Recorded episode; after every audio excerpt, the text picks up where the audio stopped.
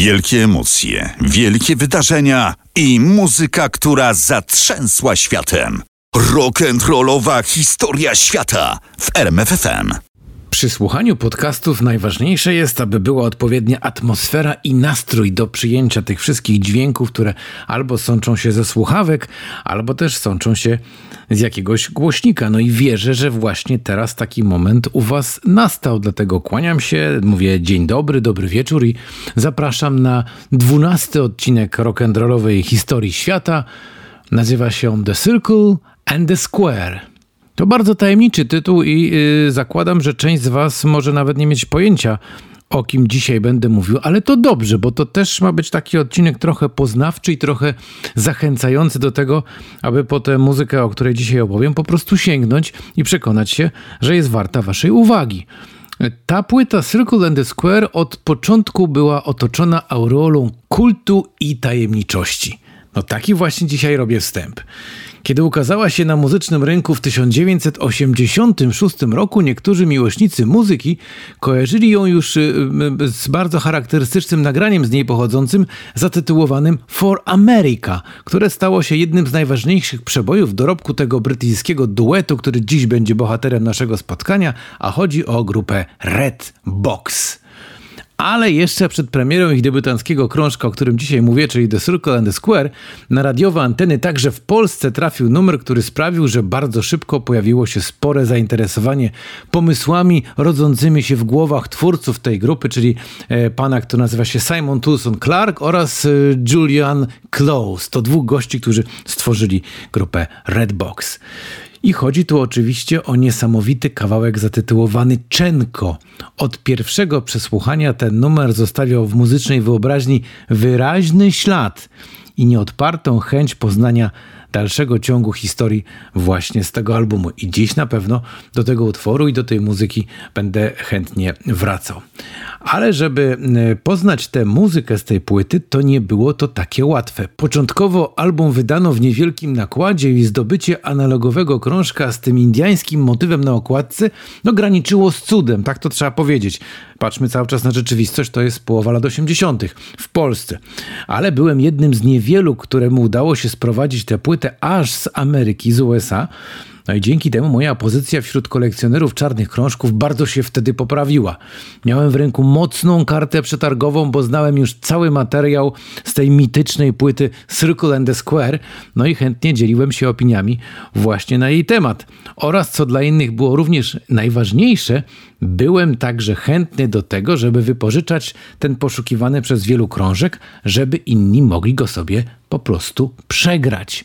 I tu trzeba pamiętać, bo to ważna uwaga, że miałem wtedy 18 lat i dla starych wyjadaczy na giełdzie, o której wspominałem w poprzednich odcinkach, na giełdzie pod Przewiązką e, w Krakowie, byłem po prostu młodym szczylem, który z niewiadomych dla nich powodów nagle zaczął być ważny, no bo miał płytę Red Box, Circle and the Square, o której wszyscy mówili, że trzeba ją zdobyć, a nigdzie jej nie ma. Ale mnie się udało. No i tu trzeba zrobić taki yy, mały skok w bok, taką dygresję, bo przegrywanie płyt, zwłaszcza tych, do których nie miało się później dostępu, to kilka istotnych kwestii, yy, jeśli chodzi o zabezpieczenie przede wszystkim tego materiału, no bo zabezpieczenie tej yy, kasety na nagranie to sprawa oczywista. Tutaj jakość kasety była wprost proporcjonalna do poziomu emocji, jaki towarzyszył odkrywaniu nowej muzyki. Czyli tak, jeśli ktoś był bardzo zaangażowany, tym lepszą kasetę sobie po prostu organizował. Czy jak było coś takiego mało istotnego, żeby tylko posłuchać przez chwilę, być może gdzieś tam to mieć w głowie, no to yy, można to nagrać na taśmie tak zwanej żelazowej. Lepsze rzeczy, no to już taśma chromowa. A prawdziwe perły albo coś, z czym się nigdy nie chcemy już później rozstać, to kaseta metalowa. No i łatwo się domyślić, że im kaseta lepsza, tym kaseta droższa. Mówimy tutaj znów, przypominam, połowa lat 80. XX wieku w Polsce. Takie porządne kasety można było kupić właściwie tylko w Peweksie, czyli w przedsiębiorstwie eksportu wewnętrznego, który handlował wszystkim tym, czego nie było w polskich sklepach. Czasami oczywiście trafiały się również kasety Stilon Gorzów w polskich sklepach, ale jakościowo niestety one nie były tak dobre jak te popularne Basfy, Maxele czy też Sony. No i za chrom to trzeba było wtedy dać jakieś chyba 3 dolary. A więc to na tamte realia to naprawdę była kupa kasy, zwłaszcza, że e, ten dolar w tamtym okresie bardzo szybko drożał i można było uzbierać te 3 dolary na kasetę. Okazywało się, przychodząc do tak zwanego konika, żeby kupić u niego e, dolary albo nawet bony, bo one wystarczały, żeby zrobić zakupy w Peweksie, to się okazywało, że już brakuje, bo już dolar podrożał. Nie pamiętam ile wtedy dolar kosztował, ale na pewno była to kwota taka, e, po którą trzeba było się nieźle ścigać, żeby taką kasę zdobyć. No dobrze, czyli już jesteście y, ustawieni na mapie, wiecie jak to wygląda. Mam tę płytę, jestem dumnym posiadaczem albumu Red Box The Circle and the Square. Chodzę z nią po korytarzach szkolnych w, moim liceum i się chwalę, że mam, no bo to też powód do dumy, nie każdy ją miał. I rozpoczynając słuchanie tego wydawnictwa, musimy przygotować się na ciekawą i pełną przygód wycieczkę, bo tak to nazwę dzisiaj, podczas której kilkakrotnie zostaniemy zaskoczeni, a nawet zadziwieni. Zwłaszcza jeśli ktoś zdecyduje się na zapoznanie z tym materiałem dopiero teraz, dziś, tu, w 2020 roku. Znając być może tylko wcześniej z tak zwanego radiowego obiegu, wspomniane wcześniej single takie jak For America i Czenko. Ale zaraz na samym początku, jako drugi numer na płycie, czeka na nas kompozycja zatytułowana Heart of the Sun będąca takim nieoficjalnym utworem tytułowym, no bo w tekście wielokrotnie przewija się zwrot The Circle and the Square, która e, każdego słuchacza nastraja bardzo optymistycznie, prostą melodią i takim miłym dla ucha brzmieniem. No to proszę bardzo, jak zawsze w tym podcaście mały fragmencik z tego krążka. Heart of the Sun to zespół Redbox. Heart of the sun, circular one. Never gonna die. Acting out scenes, telling of dreams. The party, your party, pushing for space, pain on the face. A party on it,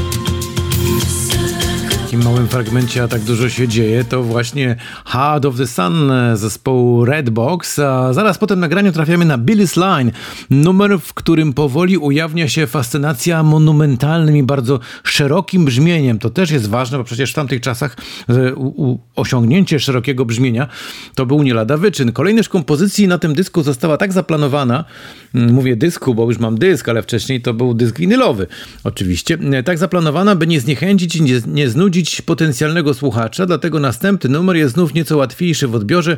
To nagranie Bantu. Ale tym kluczowym i najważniejszym momentem na płycie jest kompozycja Czenko. Dziś jeszcze kilkakrotnie będę się do niej odnosił.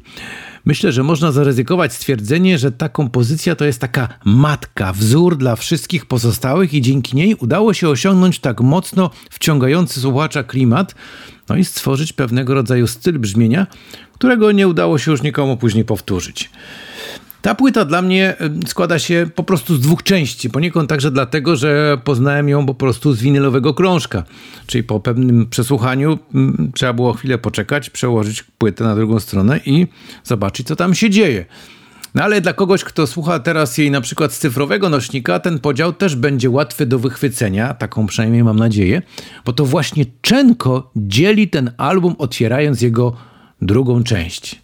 I tu dochodzimy do ważnego momentu. Opowiadam o tym Czenko, opowiadam. Wypadałoby wreszcie zagrać fragment, bo może są tacy, którzy nie mają pojęcia, o czym ja w ogóle mówię, na czym polega cały fenomen tego nagrania. E, specjalnie zrobiłem taki skrót tego utworu, który trwa e, dwie minuty, po to, żebyście posłuchali trochę tego, co dzieje się na początku, odrobinę tego, co jest e, w środku i sam finał tego nagrania, bo on też jest niezwykły. A zatem, szanowni państwo, panie, panowie, w rock'n'rollowej historii świata w odcinku numer 12 teraz Czenko.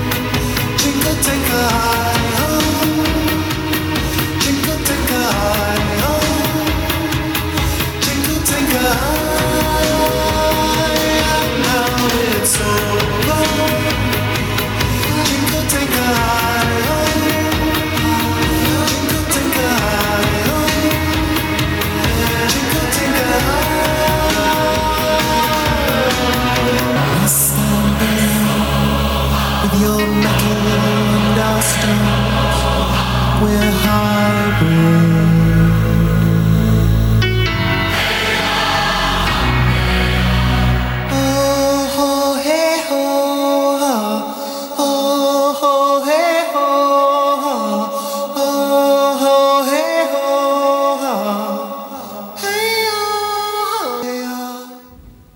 samego końca, żeby wszystko było słychać. To właśnie Czenko. Zresztą ono powstało wcześniej niż cały album, bo już w 1983 roku. I to jest dopiero heca, i to jest dopiero e, fajny moment, bo przecież e, oni wtedy już potrafili e, zrobić taki niesamowicie monumentalny utwór, monumentalne nagranie. 83 rok. I w tej drugiej części albumu, po tym Czenko, jak już wszyscy się tym numerem tak e, naładują emocjonalnie, tak poczują tę energię, która z niego cały czas emanuje, znajdziemy kompozycje, które śmiało mogą stać się inspiracją nawet dla współczesnych twórców. Zarówno dla tych, którzy lubią tworzyć coś własnego od samego początku, opierając się na usłyszanych i zapamiętanych muzycznych patentach. No i tu warto posłuchać na przykład takich numerów jak Lean on Me, czy też Leaders in Seven Heaven. Tytuł też swoją drogą bardzo oryginalny liderzy w siódmym niebie. Ciekawe, co to może oznaczać. Jak i dla tych, którzy z lubością wybierają smakowite kąski dźwięków z oryginalnych numerów, tworząc na ich bazie coś bardzo świeżego i nowego. No i dla tej drugiej grupy dobrym materiałem do ćwiczeń i eksperymentów powinny stać się utwory Saskatchewan oraz Walk Walk. Zwłaszcza ta ostatnia kompozycja pokazuje, że prawie 35 lat temu w studio nagraniowym można było zrobić wielkie rzeczy, dysponując technicznymi możliwościami, które z dzisiejszej perspektywy no, wypada ocenić wyłącznie jako żart albo nieporozumienie. No tak to wygląda, bo przecież jak słyszymy to wszystko, oczywiście w wersji takiej podcastowej na pewno jest to trochę mm, zubożone, ale jeżeli będziecie mieli okazję, żeby sięgnąć po prostu po normalną cyfrową wersję tego albumu, no bo już nie mówię, że ktoś może sobie odtworzy winyla na gramofonie. To dopiero byłoby szaleństwo, pod warunkiem, że ktoś tego winyla ma, bo tak jak wspominałem na początku, ten nakład winyli był bardzo, ale to bardzo ograniczony i nie wiem, czy jeszcze w ogóle gdzieś u kogoś te albumy są w ogóle e, dostępne, czy ktoś je w ogóle ma jeszcze. No ale dobrze, płyta w Circle and the Square grupy Redbox nigdy nie zdobyła jakichś wybitnych nagród i wyróżnień, e, ale przecież w odbiorze muzyki liczy się przede wszystkim własna ocena ocena uczucia i wrażenia, jakich doznajemy podczas przesłuchiwania materiału zgromadzonego na konkretnym albumie. No i za każdym razem, kiedy w moim cyfrowym odtwarzaczu kręci się ten indiański cyrk, czuję wielką frajdę i mam przyjemność ze spotkania z jego dźwiękami, odgłosami i klimatem. Dlaczego powiedziałem indiański cyrk? No bo proszę sobie zerknąć na okładkę tego albumu. Tam są właśnie takie bardzo charakterystyczne elementy, które mnie oczywiście kojarzą się z jakimiś takimi akcentami typowo indiańskimi. No i mam też taką nadzieję, że nowi odkrywcy muzyki duetu Redbox e, też będą mogli się pochwalić wkrótce podobnymi jak moje doznaniami.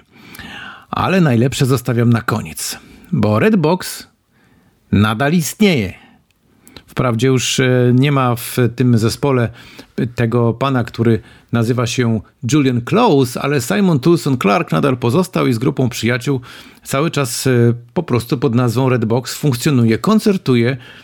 A co ciekawe, od 86 roku, czyli od debiutu płyty The Circle and the Square, wydali jeszcze w sumie, uwaga, patrzcie, trzy płyty. Przez 30 parę lat wydali trzy płyty czyli raczej bawią się niż traktują muzykę jako sposób na zarabianie pieniędzy. Czasami też koncertują, no i co bardzo ważne, mają liczne grono fanów w Polsce. I tu można by sobie zadać pytanie, skąd się to grono fanów w Polsce wzięło? Dlaczego tacy ludzie jak ja nagle gdzieś tam kiedyś odkryli zespół Redbox? No ale ta sympatia do zespołu Redbox, e, przynajmniej u mnie, zaczęła się z pewnością od dnia, w którym e, Piotr Kaczkowski po raz pierwszy puścił w trójce właśnie Czenko. Anonsując je wtedy na antenie, no to był gdzieś tam właśnie 83-84 rok, anonsując, że to jest magiczne nagranie.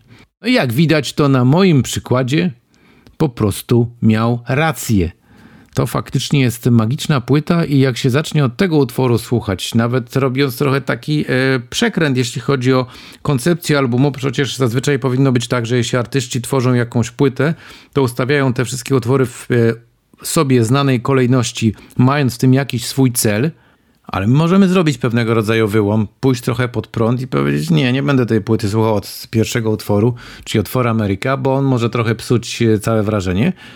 Zacznijmy słuchanie tej płyty od utworu zatytułowanego Czenko. Jak już ten numer nas nabuzuje, tak nas naładuje, to wtedy reszta jeszcze lepiej będzie wchodzić i jestem przekonany, że na pewno wśród Was znajdą się tacy, którzy e, do tej płyty będą mieli może nawet już mały sentyment, bo jak się raz coś zasmakuje i coś jest dobre, to potem po prostu do tego się wraca. To jest chyba najważniejsze w tym takim przekazie od artystów, którzy, jak e, pokazuje chociażby e, sytuacja z Redbox, od kilkudziesięciu lat istnieją i po prostu się dobrze bawią tym, co robią, mając jakiś tam kapitał muzyczny, to wszystko, co stworzyli przez lata, bo na pewno na koncertach, jak zagrają For America czy Czenko, to publiczność jest no, w tym siódmym niebie.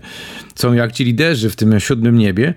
I przecież o to chodzi w takiej muzyce, żeby na takich akcentach i na takich melodiach, które gdzieś tam kiedyś zostały zarejestrowane i w głowach słuchaczy, i w głowach twórców, po prostu się y, opierać. No a na koniec y, naszego dzisiejszego odcinka pojawi się jeszcze jeden utwór, który zamykał cały album The Circle and the Square. On jest zatytułowany po prostu Amen. Amen. Tak się właśnie ten utwór y, nazywa. Zresztą, moim zdaniem, tak powinna się kończyć każda wyjątkowa płyta. Właśnie takim Amen.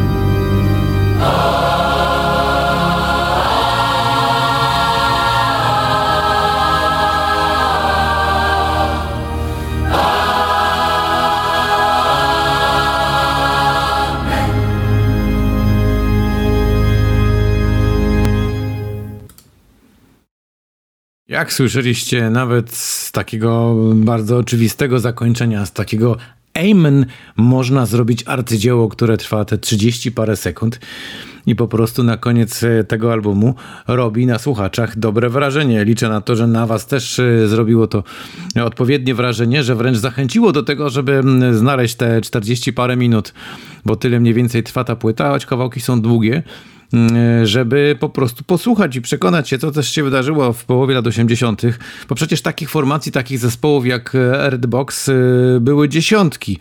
Y, trzeba też jasno powiedzieć, że wtedy nadprodukcja tych artystów, którzy y, przygotowywali muzykę czarującą publiczność, nie była aż tak wielka, jak jest dzisiaj. I to nie jest żaden zarzut do współczesnych twórców, bo dzisiaj właśnie przez to, że są możliwości, każdy może tworzyć i każdy może w jakiś sposób próbować zaistnieć. Wtedy wydaje się, że było to trochę łatwiejsze, bo nawet tacy panowie z Redbox, wydając płytę w małym nakładzie, gdzieś tam się przebili, gdzieś tam ktoś ich zauważył, gdzieś ktoś po prostu poczuł tę magię, która wypływa z ich utworów, no i dlatego tak to się skończyło. Jak to się skończyło, że ta płyta trafiła do rock'n'rollowej historii świata, do odcinka 12, który miałem dziś przyjemność wam prezentować. E, liczę, że mieliście miłe chwile w tym towarzystwie, no i że będziemy mieli okazję spotkać się ponownie bo rock'n'rollowa historia świata powróci do Was w kolejnym odcinku zatytułowanym Little Creatures małe kreatury.